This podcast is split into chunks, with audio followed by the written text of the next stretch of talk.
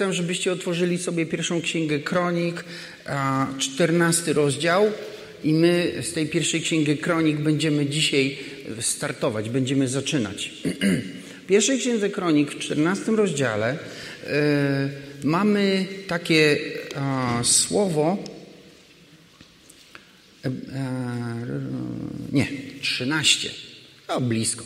Pierwsza księga Kronik, 13 rozdział. I w pierwszej księdze Kronik, 13 rozdział a, powiedział tak Dawid. E, drugi werset. Jeśli to wam się dobrym wydaje i zgodne jest z wolą Pana, Boga naszego, wyślijmy wezwanie do reszty naszych braci we wszystkich ziemiach izraelskich, a oprócz nich do kapłanów lewitów w miastach, gdzie mają przydzielone pastwiska, aby się zeszli u nas. A sprowadzimy skrzynię Boga naszego do siebie, gdyż w czasach Saula nie dbaliśmy o nią. I rzekło zgromadzenie żeby tak zrobić, gdyż ta rzecz wydała się słuszna w oczach całego ludu. Dawid w pewnym momencie powiedział tak: Mamy wszystko, jest dobrze, ale jednej rzeczy nam brakuje. Brakuje nam skrzyni przymierza. Jakoś tak się stało, że w tych wszystkich sprawach naszych życiowych i tak dalej zgubiliśmy to, co jest najważniejsze Zniknęła skrzynia przymierza. I wszyscy powiedzieli: Dobrze mówisz. Więc Dawid zgromadził Izraela, piąty werset mówi, żeby sprowadzić skrzynię Bożą.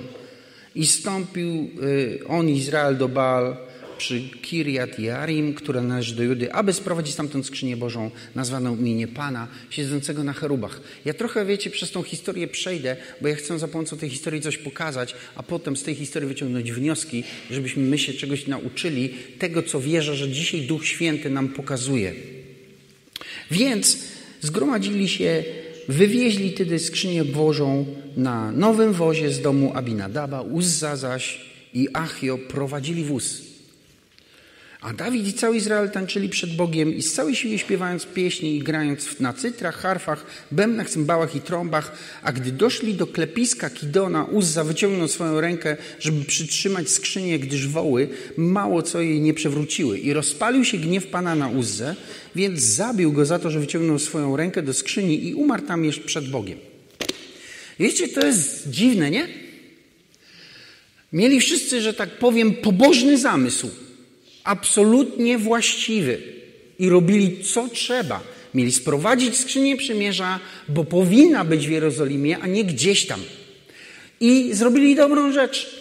I wiozą tą skrzynię na tym wozie. Dwóch ludzi pilnuje, żeby jej się nic nie stało. I jak się wóz chybnął i Uzza w poczuciu obowiązku wyciągnął rękę, żeby podtrzymać tę skrzynię, żeby ona się nie przewróciła, Bóg go poraził i on umarł. Dziwne, nie? Jak można zostać ukaranym za zły, za dobry uczynek? Ja nie wiem, jak wy, ja długo myślałem o tym. Dlaczego Bóg zabił Uzzę? I powiem wam, jak ja to rozumiem dzisiaj. Dlatego, że Uzza był pyszny. A pycha jest pierwszym i jednym z najgłówniejszych grzechów przed Bogiem. W jaki sposób Uzza był pyszny? Uzza chciał pomóc Bogu. Zobaczył, że Bogu źle idzie i postanowił mu pomóc. I wyciągnął rękę, żeby się Pan Bóg nie przewrócił. Słyszycie mnie? Widzisz, jeśli jesteś wierzącym człowiekiem, to musisz rozumieć, jak obcujesz z Bogiem i e, musisz rozumieć, kim On jest i kim Ty jesteś.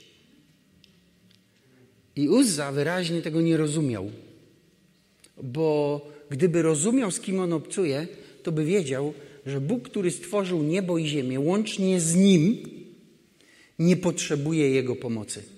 Do niczego. I Wy też powinniście nauczyć się tego, tej lekcji, że my nie zostaliśmy powołani, żeby Panu Bogu pomagać, bo On Twojej pomocy nie potrzebuje. Ty potrzebujesz Jego pomocy, ale On Twojej nie. Więc Uzza umarł. Dawid jak to zobaczył, to powiedział, tu jest źle, jest fatalnie, stajemy z wszystkim. Coś się złego stało, cię zatrzymali. Eee, I zląkł się Dawid Boga w tym dniu i mówi, jakże ja mam sprowadzić do siebie skrzynię Bożą. Dwunasty werset mówi. I nie sprowadził Dawid skrzyni do siebie, do miasta Dawida, lecz skierował ją do domu Obeda Edomczyka. Okej. Okay. Czytamy dalej. W czternastym rozdziale mamy zmianę narracji. I nagle Słowo Boże w ogóle nie mówi o skrzyni, nic. Skrzynia utknęła u tego Obeda Edomczyka i sobie tam jest. A czternasty rozdział mówi o Hiramie, który posłał te drzewa cewdrowe, że Pan potwierdził y, y, y, Dawida jako króla nad Izraelem. On to w ten sposób rozpoznał, mówi drugi werset.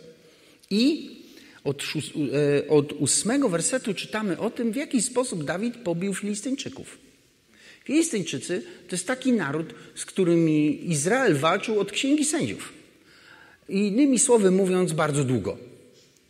Co ich pobili, to ci się podnieśli. Jak pokonali, to ten albo wygrywali z nimi, albo przegrywali z nimi. Izrael ciągle z nimi toczył wojnę. Ciągle. I tu kolejna odsłona wojny Izrael-Filistyńczycy. Więc e, Filistyńczycy wyszli, usłyszeli, że Dawid jest królem, więc chcieli go pojmać. Dawid to usłyszał, wyszedł naprzeciwko nich.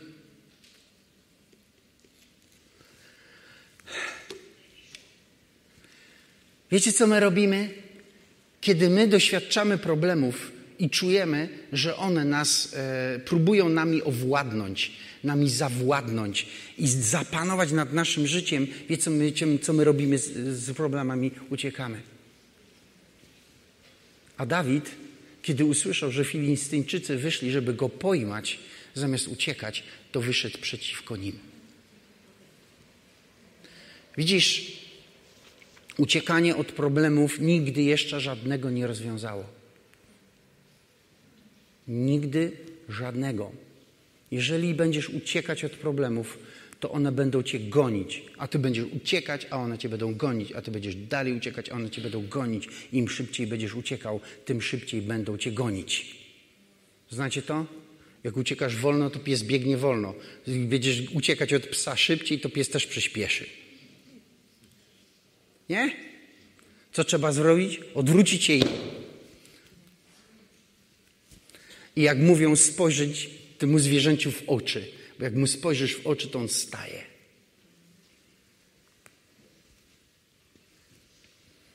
Więc Dawid nie chciał już uciekać przed Filistyńczykami, tylko się odwrócił i postanowił, że się z nimi zmierzy.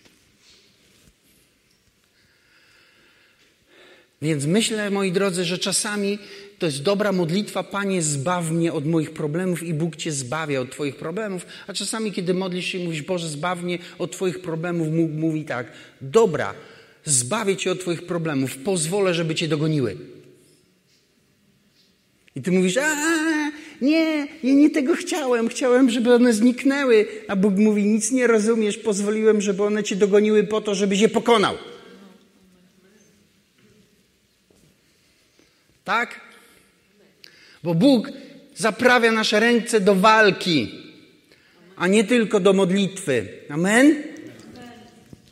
Bóg daje nam siłę do tego, żebyśmy mogli pokonać naszych wrogów, a nie tylko od nich uciekać, wiecie, umijać ich, w jakiś sposób unikać, wiecie, znajdować się tu, a one tam. Musi przyjść taki moment, kiedy staniesz i spojrzysz im w twarz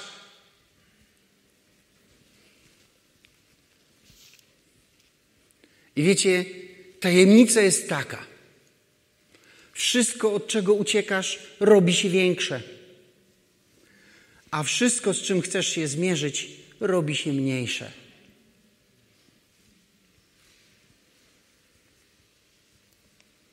I do pokonania. Więc gdy Filistyńczycy naciągnęli rozłożyli się na równinie Refaim, zapytał Dawid Boga, czy mam ruszyć na Filistyńczyków i czy Ty wydasz ich na, na, w moje ręce. Wiecie, to jest też, wiecie, uprawianie jakiejś walki duchowej musi się odbywać pod komendą Ducha Świętego i na Jego polecenie, a nie według naszych poglądów czy doświadczeń. Amen?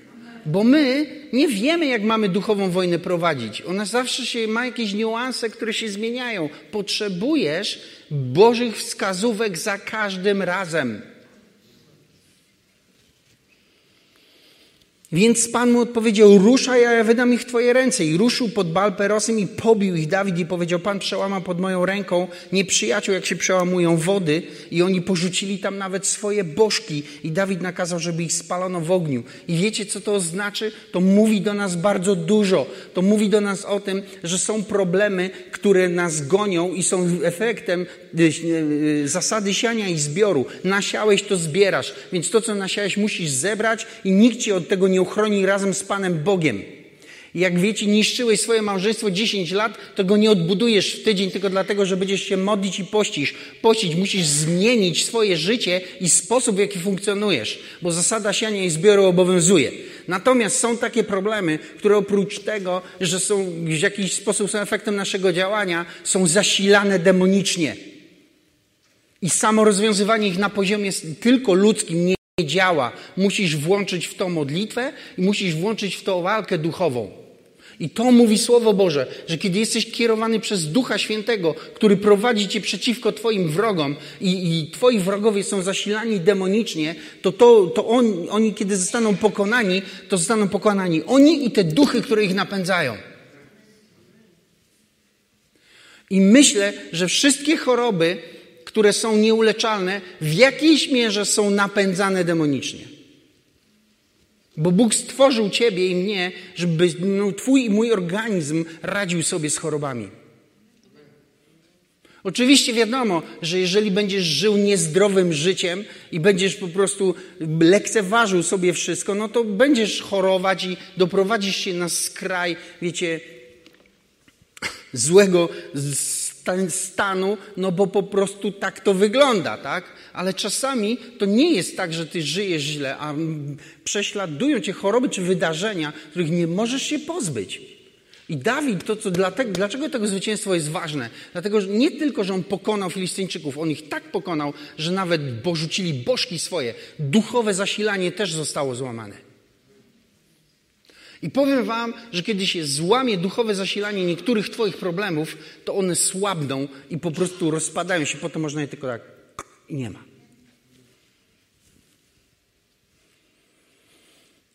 Gdy zaś Filistyńczycy ponownie rozłożyli się na równinie, Dawid znowu zapytał Boga, ale Bóg mu powiedział: Nie ruszaj za nimi, ale zajdź ich od tyłu, inaczej od nich, od strony krzewów, na nich od strony krzewów balsamowych, a gdy usłyszysz odgłosy stąpania po wierzchołkach krzewów balsamowych, wtedy rusz do bitwy.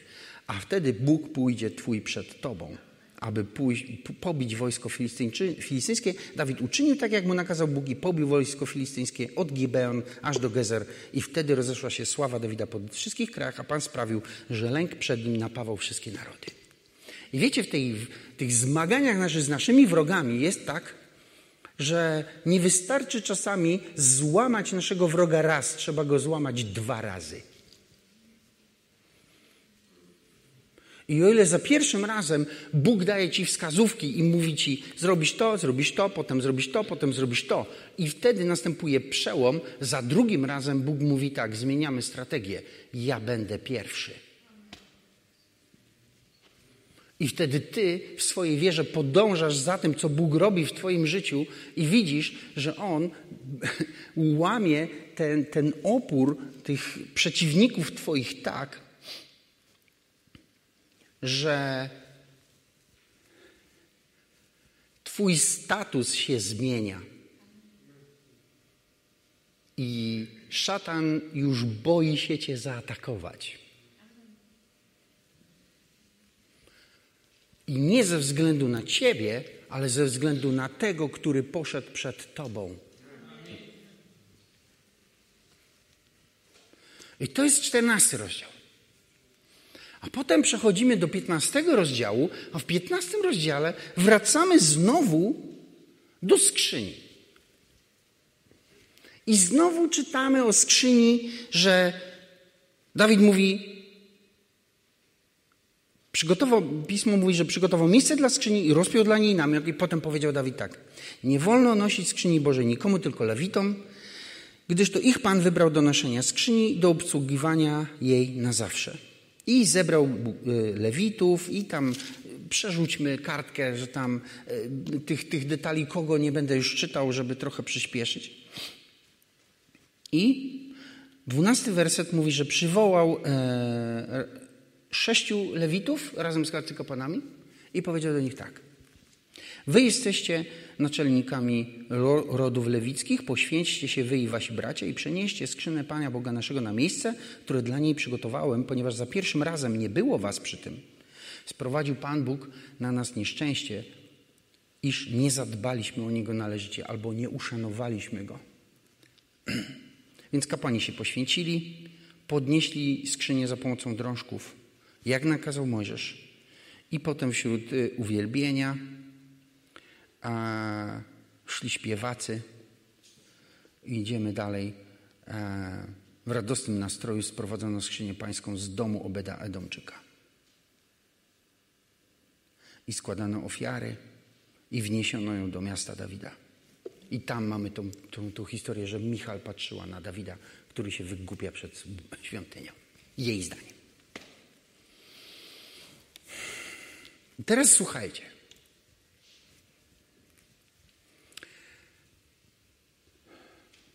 Tekst starotestamentowy rządzi się innymi sprawami narracji od, tekstu, e, od tekstów greckich, na których my jesteśmy wychowani.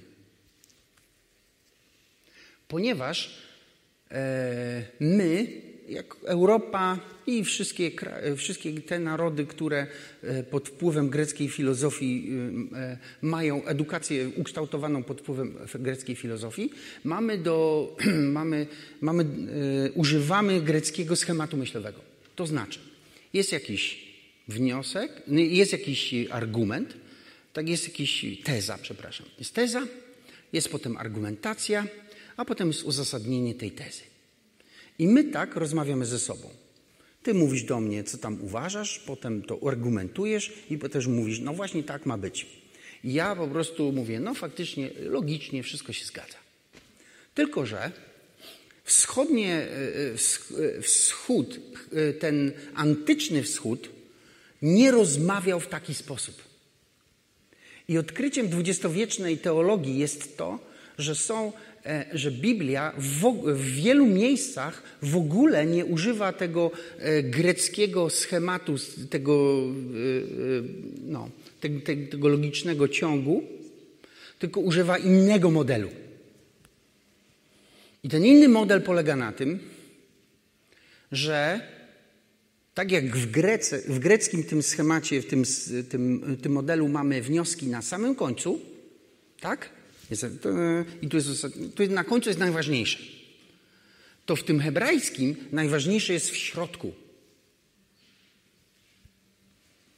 I jest mnóstwo takich historii, które w Biblii naprawdę coraz więcej się odkrywa, które pokazują, że Biblia używa właśnie takiego schematu, że jest jakaś opowieść, potem w środku jest coś innego a potem jest znowu dokończenie tej samej opowieści. Tak jest na przykład w historii z, z Józefem. Mamy historię o Józefie. Józef, wiecie, tam ma te sny i tak dalej. Wrzucony jest do tej studni, sprzedany tam u, u tego u Pytyfara, potem w tym więzieniu przerwa. A potem jest historia Judy i Tamar, tak? Kiedy Tamar udowodniła Judzie, że jest bardziej sprawiedliwa od niego. To w ogóle szok jest na odrębne kazanie. A potem mamy znowu historię Józefa, że Bóg wyciągnął Józefa z, z tego więzienia i w ogóle i tam się stał drugim po faraonie. Nie? I wiecie co? W tej historii o Józefie najważniejszy nie jest Józef. W tej historii o Józefie najważniejszy jest środek. W środku Bóg mówi o tym, jak ważna jest integralność chrześcijańska I pokazuje, że Juda nie był integralny i był niesprawiedliwy wobec Tamar, bo nie chciał jej dać męża. A potem Bóg podsumowuje tak. Józef był integralny i dlatego, pomimo że spadł na same dno, został wywyższony do samej góry. I tu mamy to samo. Mamy historię o skrzyni przymierza i na początku w tej historii wszystko idzie źle. Uzza tak, nie doszło to do miejsca. Miało być, w, wiecie, w, w, w, mieście Dawida, w Jerozolimie. Stanęło u tego Obeda koniec. Potem mamy przerwę. I mamy historię z tymi Filistyńczykami całymi, a potem znowu mamy o skrzyni przymierza, że teraz we właściwy sposób ona wchodzi do Izraela. I ta historia mówi do nas jedną rzecz. Jeżeli chcesz pokonać swojego Filistyńczyka, musisz nauczyć się nosić Bożą obecność. I dlatego, że Izrael nie potrafił zrozumieć, co robi źle w kwestii Bożej obecności, Boża obecność utknęła tam, gdzie jej nie powinna, albo no nie wiem, czy nie powinna, ale utknęła w miejscu i nie dotarła do miejsca przeznaczenia. Potem widzimy tę drugą część, że Dawid wyciąga wnioski i mówi tak: My to źle zrobiliśmy od samego początku. I mówi tak: skrzynia nie powinna w ogóle jechać na wozie, bo prawo mojżeszowe mówi, że skrzynię Bożą się nie wozi, skrzynię Bożą się nosi. I wiecie, docieramy tutaj do bardzo ważnej kwestii. Boża obecność nie przychodzi do kościoła z powodu programów, E, sprzętu nagłaśniającego, dobrej muzyki e, i tak dalej. Boża obecność przychodzi z powodu ludzi. To ludzie przynoszą Bożą obecność do kościoła, a nie programy, wiecie, inne tego typu narzędzia. Bo skrzynię Bożą się nosi.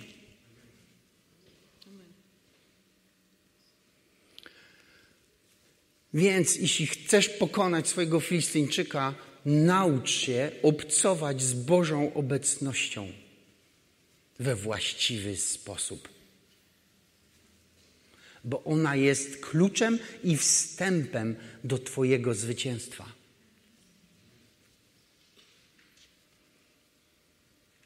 I po pierwsze,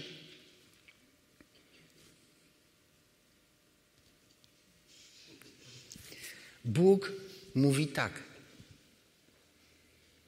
Bożą obecność się nosi i noszą ją konkretni ludzie, wymienieni z imienia. Sześciu ich było. I są w kościele ludzie, którzy są powołani do tego, żeby nosić Bożą obecność i wnosić ją na spotkania. I to jest ich służba w modlitwie. W XIX wieku jednym z największych ewangelistów e, w chrześcijaństwie był Charles Finney. I ten człowiek był nazywany, porównywany do świętego Pawła, bo tylu ludzi się nawróciło przez jego ewangelizację. On wchodził do miast i kiedy zaczynał tam głosić, miasta po prostu się otwierały i mnóstwo ludzi nawracało się.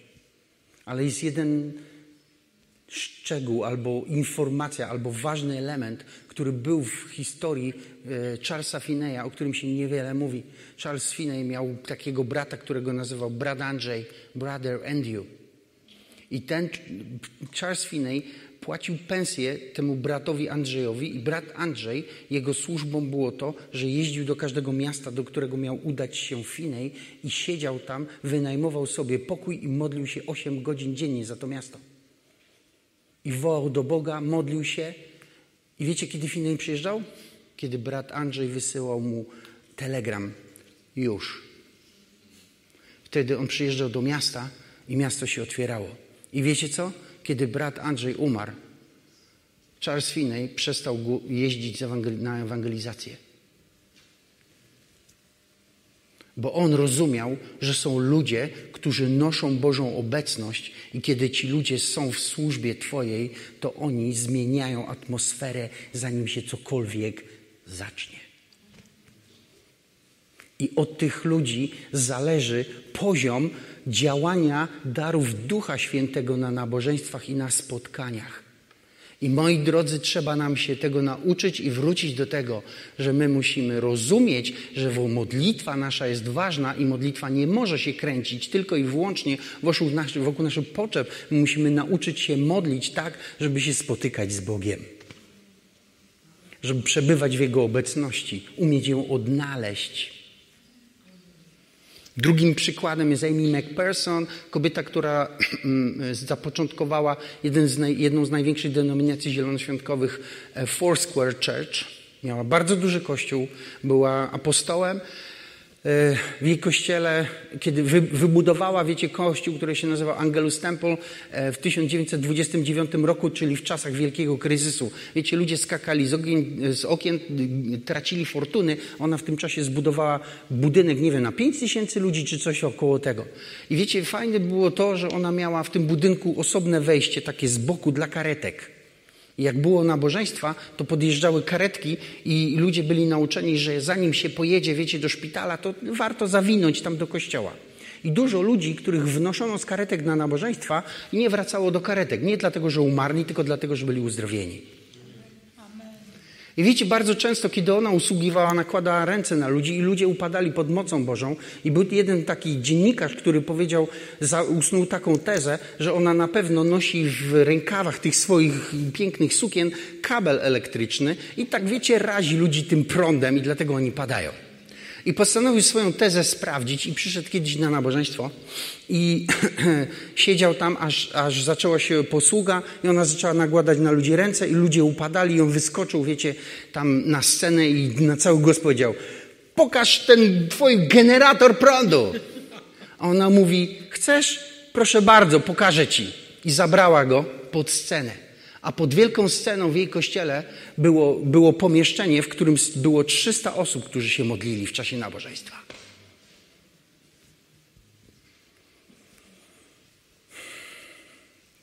Co chcę powiedzieć? Chcę powiedzieć, że po prostu po pierwsze wyjdźmy z naiwnego, wiecie, e, naiwnego chrześcijaństwa, któremu się wydaje, że jak będziesz wielkim mężem Bożym, to wszystko będziesz robić sam i będziesz fantastycznie używany przez Boga i nikogo do niczego nie będziesz potrzebował. Wyskoczcie z tego, bo to są naiwne bajki dla chrześcijan. Bóg używa ludzi, ale nigdy w pojedynku, bo to jest, Bóg jest naszym ojcem, a nie Twoim ojcem czy moim ojcem. Amen? My jesteśmy Jego narzędziami, a nie Ty czy ja. Dlatego jest potrzebna współpraca i potrzebni są ludzie, którzy rozumieją noszenie Bożej obecności i gotowi są w modlitwie nosić Bożą obecność i potrzebujemy, żeby ci, którzy usługują darami Ducha Świętego, szanowali i doceniali tych ludzi, bo od nich zależy poziom Bożej obecności, a od niej efektywność posługiwania darami Ducha Świętego. Tego trzeba się nam nauczyć. I my dla swojego własnego, osobistego życia potrzebujemy się również tego nauczyć, żeby, żeby modlić się i szukać Bożej obecności, a nie tylko rozwiązania swoich problemów. Dlatego, że niektórych problemów nie rozwiążesz, dopóki nie nauczysz się obcować z Bogiem w Jego obecności, bo tych Filistyńczycy ciągle cię będą prześladować. I żeby nauczyć się Bożego prowadzenia, żebyś usłyszał tego Ducha Świętego, który ci raz każe zaatakować, a drugim razem każe ci na niego poczekać, potrzebujesz przebywać w Bożej obecności w modlitwie i uczyć się Bożego prowadzenia. I jest jeszcze jedna rzecz.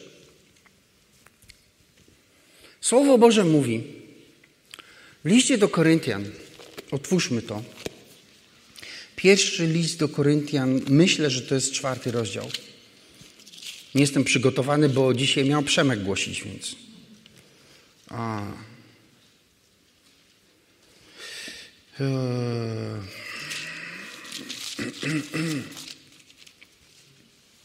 Przepraszam, to jest drugi list świętego Pawła do Koryntian, czwarty rozdział i a,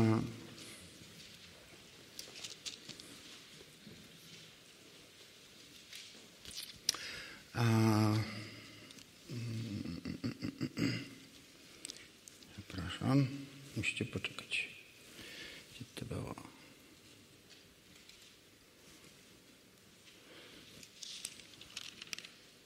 Tak, trzeci rozdział, przepraszam, i 18. My wszyscy tedy z odsłoniętym obliczem, oglądając jakby w zwierciadle chwałę Pana, zostajemy przemienieni w ten sam obraz z chwały w chwałę, jak to sprawia Pan, który jest duchem. Tak? Widzicie już w tym wersecie, że on się zaczyna od przebywania w Bożej obecności? My wszyscy z odsłoniętym obliczem, oglądając chwałę Bożą. Ten werset zaczyna się od chodzenia w Bożej obecności, a potem mówi tak: my się przemieniamy z chwały w chwałę. I wiecie, my się nie przemieniamy na różne obrazy, my się przemieniamy na ten sam obraz, na obraz Chrystusa. I to, co chciałem powiedzieć, to jest to,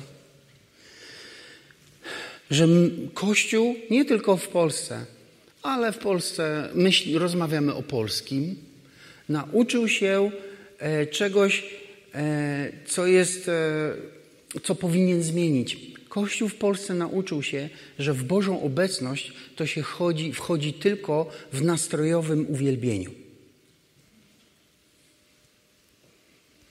I w zależności od tego, jaki masz nastrój, wtedy wchodzisz w Bożą obecność. Jak masz wojowniczy nastrój, to potrzebujesz takiego aleluja to i jesteś wtedy w Bożej obecności. Jak masz taki kiepski nastrój, to potrzebujesz takiego na, na, i tam mniej więcej wtedy gdzieś lądujesz, już tam coś tam czujesz, nie?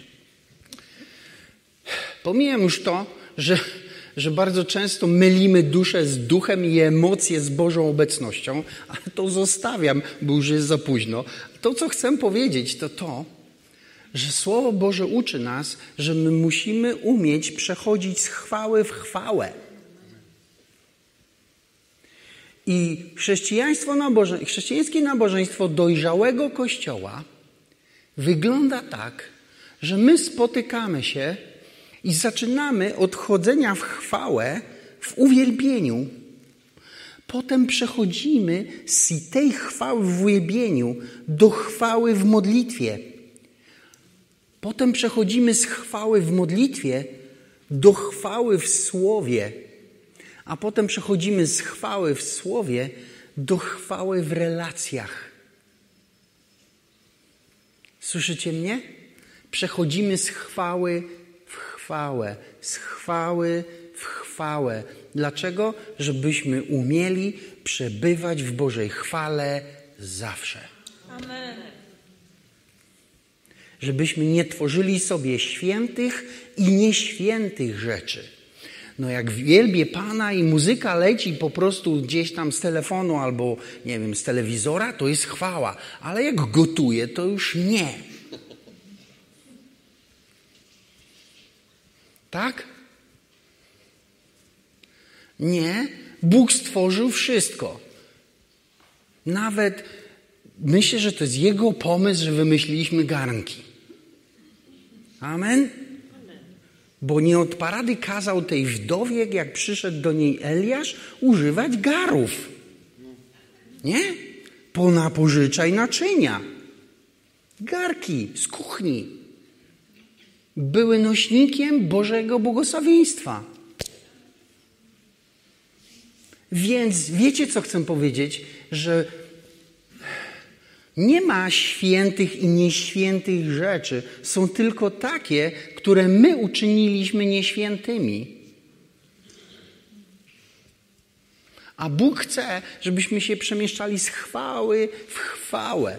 I czy jesteś na nabożeństwie, czy siedzisz w domu, czy idziesz do sklepu, czy idziesz do pracy, wszędzie jesteś w Bożej chwale. I kiedy przebywasz w Bożej chwale, to jesteś w stanie być zdolny do lepszego odbierania prowadzenia Ducha Świętego. I pokonywania swoich wrogów, a potem pomagania innym, pokonywania ich wrogów. Z chwały w chwałę, jak to sprawia Pan, który jest duchem. I dzisiaj mieliśmy taki, taką próbkę, taki test. Przyszliśmy na nabożeństwo, yy, perkusji nie ma, yy, pianina nie ma, będzie słabo.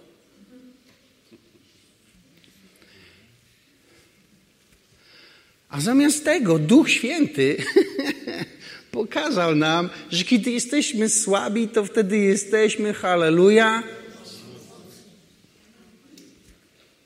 I Bóg otworzył nam drzwi i mogliśmy wejść do Jego obecności dzisiaj i modlić się o siebie i o innych.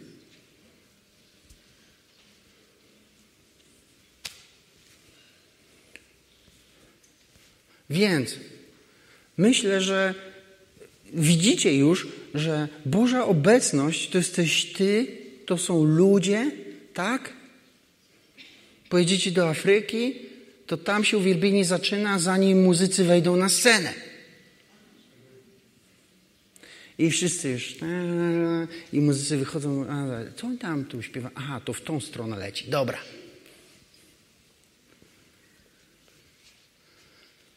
W ogóle tak, by the way, to właśnie tak wygląda gospel. W gospelu w ogóle nie ma mowy o tym, żeby muzyka była najpierw, a potem wokalista. Wokalista śpiewał, muzycy tylko tak, to na, w którą stronę tam leci. Tak wygląda gospel. Nie wiem, czy mnie słyszycie. Chodzi o to, nie chodzi o to, żebyśmy teraz nie mieli porządku. Bóg jest Bogiem porządku. Co prawda nie z tego wersetu, że Bóg jest Bogiem nie jest Bogiem nieporządku, ale Bogiem pokoju, bo tam mowa jest o pokoju, a nie o porządku. No ale ogólnie jest. Mi chodzi o to bardziej, że, że my nie możemy doprowadzić do tego, żeby porządek okradał nas z przebywania w Bożej obecności. To musi być jedno z drugim. I wtedy mamy możliwość, żeby nie przeszkadzać Duchowi Świętemu żeby między nami się poruszał. Przychodzą takie czasy do kościoła w Polsce, że będziemy bardzo potrzebować umiejętności wchodzenia w Bożą obecność, bo może być czasami tak trudno, że będziemy woleli wszystko inne oprócz Bożej obecności. Będziemy woleli narzekać, płakać nad swoim losem i, wiecie, wyrywać włosy z głowy, a powinniśmy umieć wtedy stanąć i wchodzić w Bożą obecność. Dlatego, że wiecie, jeżeli to będziemy umieli, to Bóg przeprowadzi nas przez każdy problem. Słowo Boże mówi w Psalmie 80, bodajże czwartym, że jeżeli my umiemy chodzić w Bożej obecności, to nawet, jak mówi psalmista, kiedy będziemy chodzili przez ciemną dolinę, e, przez wyschłą dolinę, to będziemy się czuli, jakby ona była przez wczesny deszcz błogosławieństwami okrytą. Więc tak naprawdę nie ma znaczenia, w jakiej ty ziemi żyjesz, ma znaczenie, pod jakim przykryciem ty żyjesz. Bo jeżeli żyjesz pod Bożym przykryciem, jeżeli żyjesz pod Bożą obecnością, to czy to jest wyschła dolina, czy to jest obfitująca dolina, to nie ma znaczenia, bo Bóg, który jest z tobą, nawet tą wyschłą zamieni w raj. I to jest to, czego uczymy się z tej księgi kronik, i to jest to, czego uczymy się z 2 Koryntian 3. Że mamy nauczyć się chodzić w Bożej obecności. I jest na to pora teraz. Wiecie, na, nauczmy się tego. Słowo prorocze zawsze przychodzi przed, a nie po. Amen? I problem ze słowem proroczym zawsze jest taki, że wszyscy słuchają i mówią, co ty gadasz? O czym ty mówisz? Przecież w ogóle do czego to przypiąć? Ale tak właśnie jest ze słowem proroczym, ono przychodzi z wyprzedzeniem. I nauczmy się tego, żeby coś zmieniać i wprowadzać zmiany do naszego życia, zanim się coś stanie, a nie kiedy to się stanie. Tak? Bo wiecie, Kościół ciągle jest do tyłu i niech się to zmieni. Amen czy nie? Niech się to zmieni. Dlaczego nie mielibyśmy być w awangardzie zmian? Wiecie, nie chodzi mi o to, że sobie wymyślimy, nie wiem, jakiś nowy styl małżeństwa. Nie, to po prostu nie są zmiany. To są zdegenerowane wariacje na jakiś temat. Mi chodzi o to, że Bóg, który jest na niebie, który jest Twoim Ojcem i który jest Twoim Panem i który jest Twoim Królem, wie, co będzie jutro. I dlaczego my nie mielibyśmy chodzić w duchu proroczym? Dlaczego my nie mielibyśmy wiedzieć, co się będzie działo w przyszłości i dlaczego nie mielibyśmy być gotowi? I być zachętą i światłością dla tych, którzy nie byli gotowi i na nich to nagle spadło, a ty po prostu Siedzisz, gryziesz język i mówisz sobie, chciałem powiedzieć, a nie mówiłem, ale dobra. Dlaczego nie miałoby tak być? Widzicie, ja wierzę, że wchodzenie i uczenie się przebywania w Bożej obecności będzie nas nastrajać duchem proroczym, który będzie mówił do nas o przyszłości i będziemy gotowi.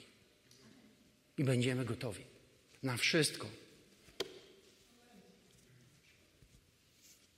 I Bóg chce takiego kościoła, takich ludzi, którzy gotowi są pozwolić Mu na to, żeby On tak nas gdzieś w środku spenetrował, żebyśmy umieli odnaleźć się wszędzie, ponieważ Jego łaska i Jego dobroć będzie z nami, gdziekolwiek byśmy nie poszli i cokolwiek byśmy nie robili. Jeśli jesteś tu dzisiaj i mnie słuchasz, dotrwałeś do końca, halleluja, to chcę powiedzieć Ci, że Bóg, tak jak mówiłem na wieczerzy, On nie chce tylko, żebyś o Nim wiedział. On chce, żebyś się z Nim spotkał, żebyś Go dotknął, żebyś Go przeżył, żebyś Go doświadczył. Jeśli jesteś tutaj, chcę po prostu jakoś pomóc Ci w tym, żebyś to zrobił. Ten, ten jeden prosty krok, który sprawi, że Bóg, o którym wiesz, stanie się Bogiem, którego znasz. Chciałem Was zaprosić do wspólnej modlitwy. Powstańmy.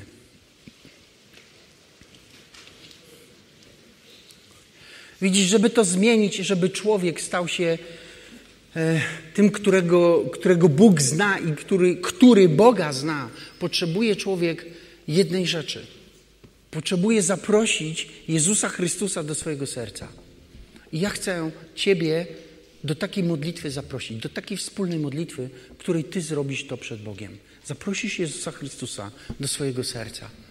I ten, o którym słyszałeś, stanie się tym, którego poznałeś, który jest częścią Twojego życia i który przebywa z Tobą każdego dnia.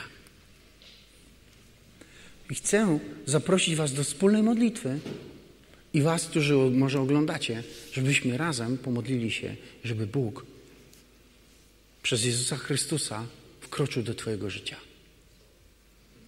I życie z Bogiem zaczyna się od tego, że On przychodzi i pokazuje Ci, kim jesteś, i chyba nie ma bardziej wartościowej rzeczy, jak usłyszeć od Boga, kim On nas sobie wymyślił. To nas zmienia na zawsze i jesteśmy zawsze wtedy lepszymi ludźmi. I nie dlatego, że się poprawiliśmy, ale dlatego, że się urodziliśmy ponownie. Pochylmy nasze głowy i chciałbym poprosić nas, Was, do, zaprosić do wspólnej modlitwy. I chcę Cię zachęcić, żebyś dzisiaj podjął, podjęła to wyzwanie i żebyś otworzył, czy otworzyła swoje serce na Niego. My nie zapraszamy Cię do kościoła.